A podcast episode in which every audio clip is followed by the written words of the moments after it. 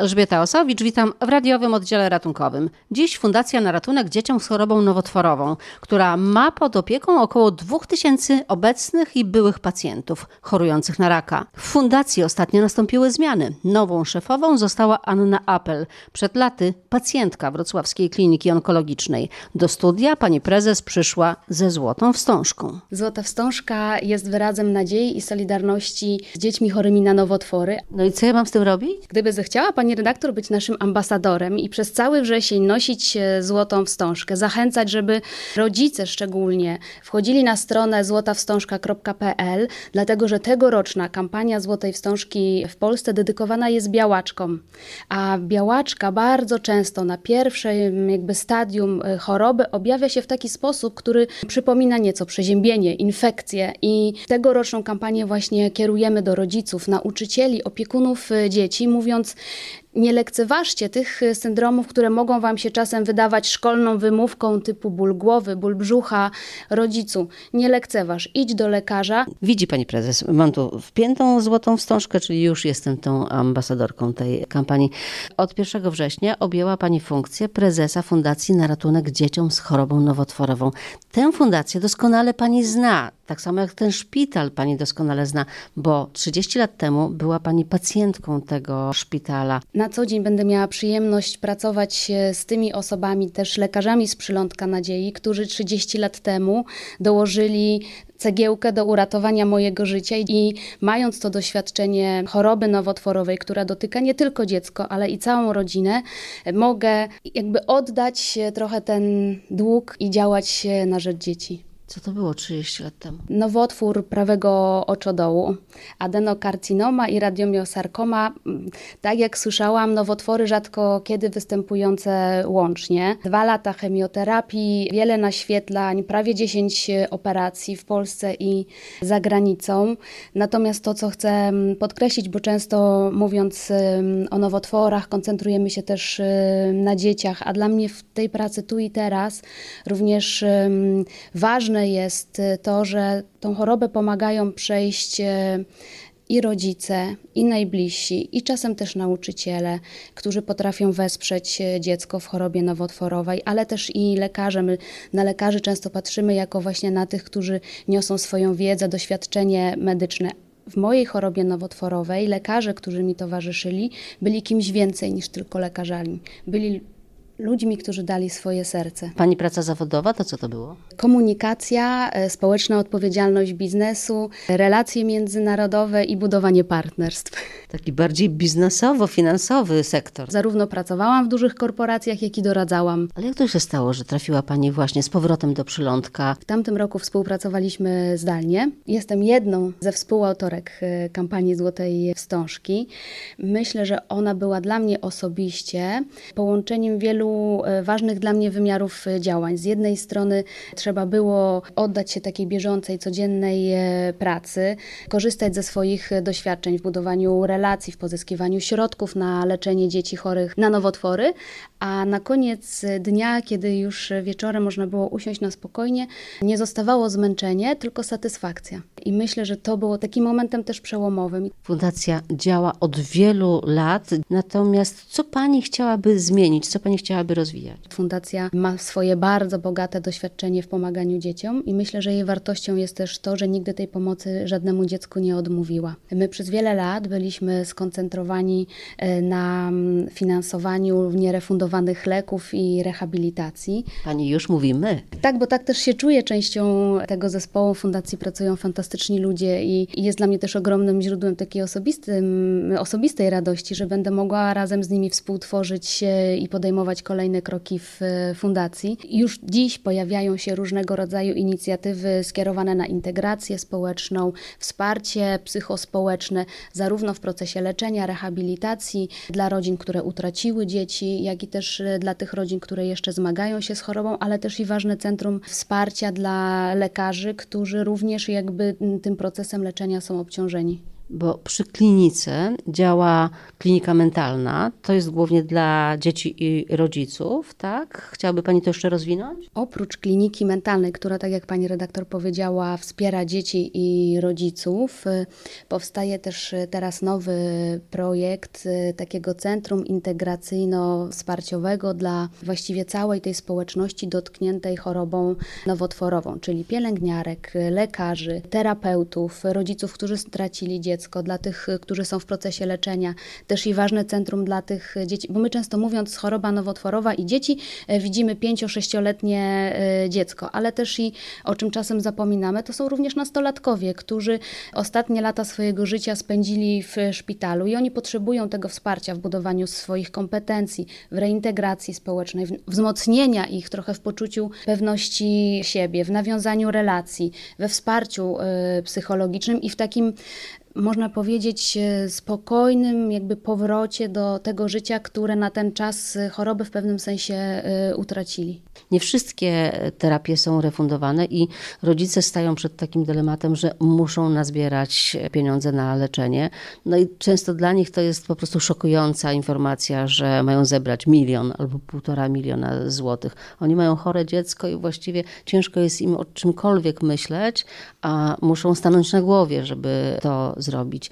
Jak fundacja, jak pani chce ich wspierać? Zacznę może od tego, że nadrzędnym celem fundacji, który nigdy się nie zmieni, będzie wsparcie dzieci oraz ich rodzin w zebraniu środków na ich e, leczenie. Natomiast patrzę też na to w taki e, sposób bardziej procesowy, można by powiedzieć, czyli widzę ten moment diagnozy, leczenia i też później wsparcia w procesie mm, y, ozdrowieńczym, kiedy poprzez różne portale udaje nam się w ramach zbiórek publicznych y, znaleźć to finansowanie właśnie na te nierefundowane leki. Natomiast potrzeb jest y, więcej. Czy rodzic może liczyć na to, że kiedy usłyszy diagnozę dramatyczną dla niego, dla jego dziecka, kiedy usłyszy do tego jeszcze, że ma nazbierać milion złotych na nierefundowane terapię. Czy taki rodzic może liczyć na to, że wy będziecie obok niego zawsze i do końca, że będziecie go trzymać za rękę i pomagać finansowo? Będziemy nie tylko obok niego, ale razem z nim. Myślę, że do tej pory nie zawiedliśmy żadnego rodzica, jeśli chodzi o zbiórkę publiczną i dalej będziemy wspierać e, rodziców w tym największym tak naprawdę dla nich e, wyzwaniu, jeśli chodzi o e, tą sferę finansową i wsparcia leczenia, bo myślę, że nie ma wiele takich rodzin, jeśli w ogóle są, dla których uzyskanie miliona trzystu tysięcy na leczenie byłoby sytuacją, z którą nie musieliby się e, mierzyć. To myślę, że obok e, e, szoku, obok trudności tych emocjonalnych, psychicznych związanych z leczeniem dzieci, to jest jakby to jedno z tych największych wyzwań, w których fundacja nigdy nie opuści rodziców. My głównie te zbiórki realizujemy poprzez nasze media społecznościowe, poprzez portale dedykowane tego typu zbiórkom. Jest to zawsze efekt jakby tego wsparcia, że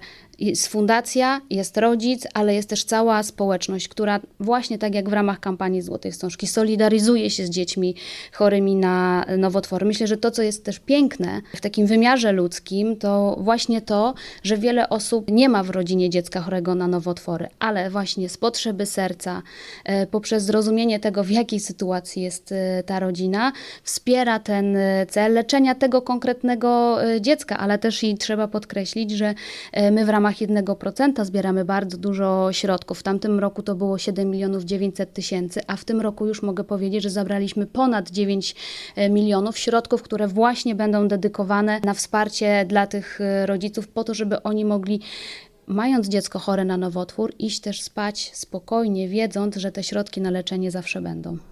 Dopiero we wrześniu Pani objęła prezesowanie, więc e, to jeszcze niewiele czasu minęło. Przejrzała Pani na pewno księgi. Wie Pani, ile jest na koncie fundacji w ogóle? Przychód mamy 21 milionów, to wiem. Spotykam się ze wszystkimi mm, pracownikami fundacji. Spotykam się z lekarzami z Przelądka Nadziei, ale też i z rodzicami. Spotykam się z przedstawicielami organizacji zajmujących się onkologią dziecięcą, bo chciałabym jak najbardziej i jak najszybciej zanurzyć się w istotę tego, czym będziemy się na co dzień e, zajmować, żeby usłyszeć od rodziców, od dzieci, co jest im potrzebne, jak chcieliby, żebyśmy ich e, wspierali, co dziś robimy dobrze, a co moglibyśmy za chwilę robić zrobić jeszcze lepiej. Teraz karty na szczęście już jest refundowane, więc nie będzie potrzeby tych wielkich zbiórek po milion trzysta. Natomiast za chwilę znajdzie się jakaś terapia, która też okaże się nierefundowana. Więc na ile te środki, którymi dysponuje fundacja, może przeznaczać właśnie na kampanię, a na ile na takie bezpośrednie leczenie mm, konkretnych dzieci? Priorytetem jest leczenie dzieci i na to środków e, nigdy nie powinno zabraknąć. I to jest cel nadrzędny e, fundacji, bo po co my w ogóle istniejemy i po co jesteśmy? Oczywiście robimy wiele innych jeszcze programów wspierających rodziny i dzieci walczące z nowotworem, ale jesteśmy głównie też e, po to i na tym skoncentrowani, żeby żadnego rodzica nie zostawić samego w pozyskiwaniu funduszy. Pani prezes, na pewno pani się zorientowała też, że byłam autorką takiego materiału dotyczącego zarobków w fundacji. I dość szokujące było dla słuchaczy, dla rodziców to, że zarząd fundacji zarabiał po kilkadziesiąt tysięcy złotych miesięcznie, wypłacał sobie nagrody. Założyciel fundacji obiecywał, że zarobki prezesów będą pokrywane nie z datków ludzi, tylko z y, innych y, środków. Jak to w tej chwili rozwiązano? Myślę, że jednym z moich celów jest to, żeby koszty osobowe fundacji i zespołu, i zarządu były finansowane z innych y, źródeł.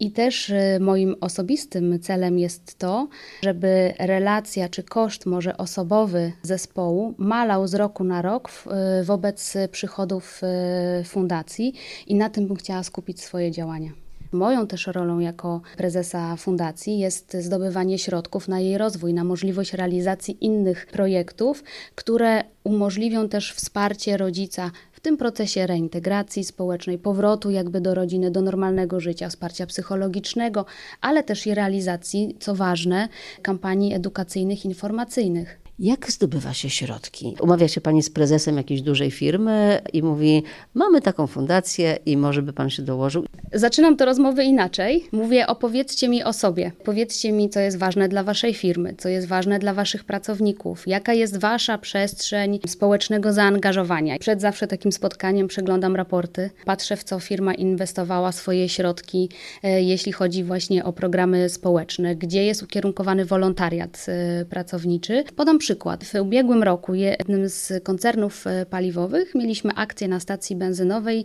Każda kawa pomaga. Cena kawy na czas kampanii została zwiększona o niewielką kwotę, taką, której klient stacji benzynowej nie odczuł. Duży biznes nie musiał dokładać środków z własnej kieszeni, a jednocześnie poprzez jakby skalę jego działalności, ilość dziennych transakcji byliśmy w stanie uzbierać ponad 100 tysięcy złotych. I myślę, że to jest taka moja filozofia współpracy z biznesem. Na ile Fundacja na Ratunek Dzieciom z Chorobą Nowotworową jest fundacją lokalną, wrocławską, a na ile ogólnopolską? Przede wszystkim jest e, wrocławską, blisko i mocno związaną z przylądkiem e, nadziei, ale będziemy też szli w takim kierunku ogólnopolskim, żeby móc tym wsparciem objąć e, jeszcze więcej dzieci chorych na nowotwory oraz ich rodziców. Był, pamiętam, taki pomysł, żeby opieką obejmować też byłych pacjentów. Myślę, że będzie to jeden z kierunków działania fundacji, czyli wsparcia tak zwanych ozdrowieńców. My też czasami na nich e, mówimy onkomocni, ale też i w takim kierunku idzie bardzo wiele fundacji w innych częściach e, Europy, żeby również e, finansować badania, bo to, na co zwracają uwagę też specjaliści, że dzieci czy nastolatkowie kończący chorobę nowotworową de facto wypadają z systemu systemu służby zdrowia, jakby im się już nie należy później to badanie kontrolne, ponieważ leczyli się jako dzieci i nastolatkowie. I myślę, że to jest też ten obszar działań fundacji, w którym również chcielibyśmy wspierać tych wszystkich naszych podopiecznych obecnych i tych, którym udało się uratować życie w przylądku. W radiowym oddziale ratunkowym dziś to już wszystko. Elżbieta Osowicz. Do usłyszenia.